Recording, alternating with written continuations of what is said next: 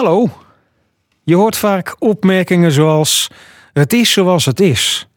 Nou, mijn indruk is dat dat een soort trenduitspraak is. De laatste tijd hoor ik dat erg vaak. En zo'n uitgesleten opmerking is ook: Voor alles is een eerste keer.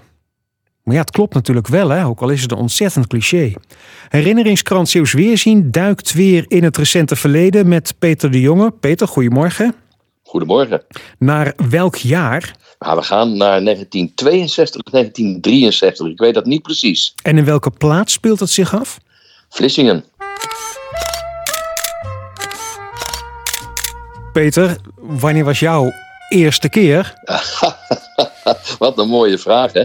Ja, dat uh, eerste keer uh, dat ik saté had. Eerste keer dat ik uh, een biertje dronk. De eerste keer dat ik een meisje zoende. Of de eerste keer dat ik een sigaret opstak. Jij mag kiezen. Nou, laten we het maar de sigaret doen dan. Het moet een jaar of elf geweest zijn. Want ik heb een vergeelde foto gevonden in het fotoalbum waar ik op sta. En mijn moeder staat een beetje trots naast me.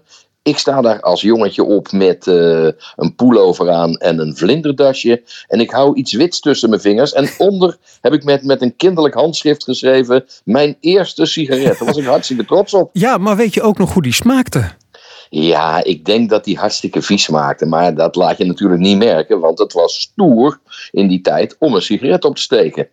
In die tijd was het iets, een soort beloning. Je mocht dat een keer doen. Het was niet zo dat ze zeiden: ga maar roken of zo. Maar een sigaret, een trekje van de sigaret. Nou, dat vond eigenlijk iedereen wel leuk en stoer. En de familie lachte erom. En ook mijn moeder, die uh, gaf haar sigaretjes. Was geen echte rookster. Ze rookte van die akelige Peter Stuyvesant.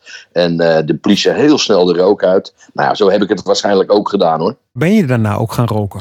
Ja, ik ben daarna ook gaan roken. Niet onmiddellijk, niet uh, binnen binnen een jaar of zo. Maar vanaf mijn veertiende, vijftiende, toen ik naar de middelbare school ging, in Goes, rookte ik in de trein van Vlissingen naar Goes ja. wel een sigaretje, ja. En waarom dan? Ja, dat hoorde je erbij.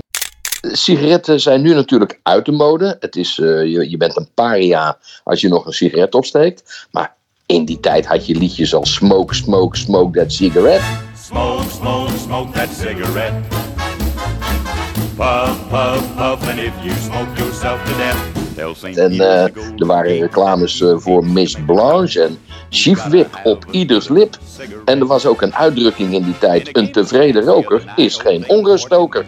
Dat was dus allemaal gunstig. En wij deden daar allemaal stom aan mee. En als je er één keer aan begint, kom je er maar moeilijk vanaf. Dat heeft toch wel een jaartje of uh, 15, 16 geduurd. En gelukkig kan ik zeggen, nee, je kunt ook stoppen voor het leven.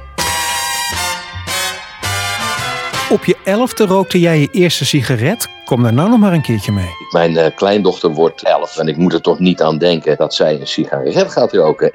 Peter de Jonge, hou je longen schoon. Dat zal ik doen, dank je. Peter de Jonge met zijn herinnering voor Zeeuws Weerzien. En als je de foto erbij wil kijken, ga dan even naar zeeuwsweerzien.nl.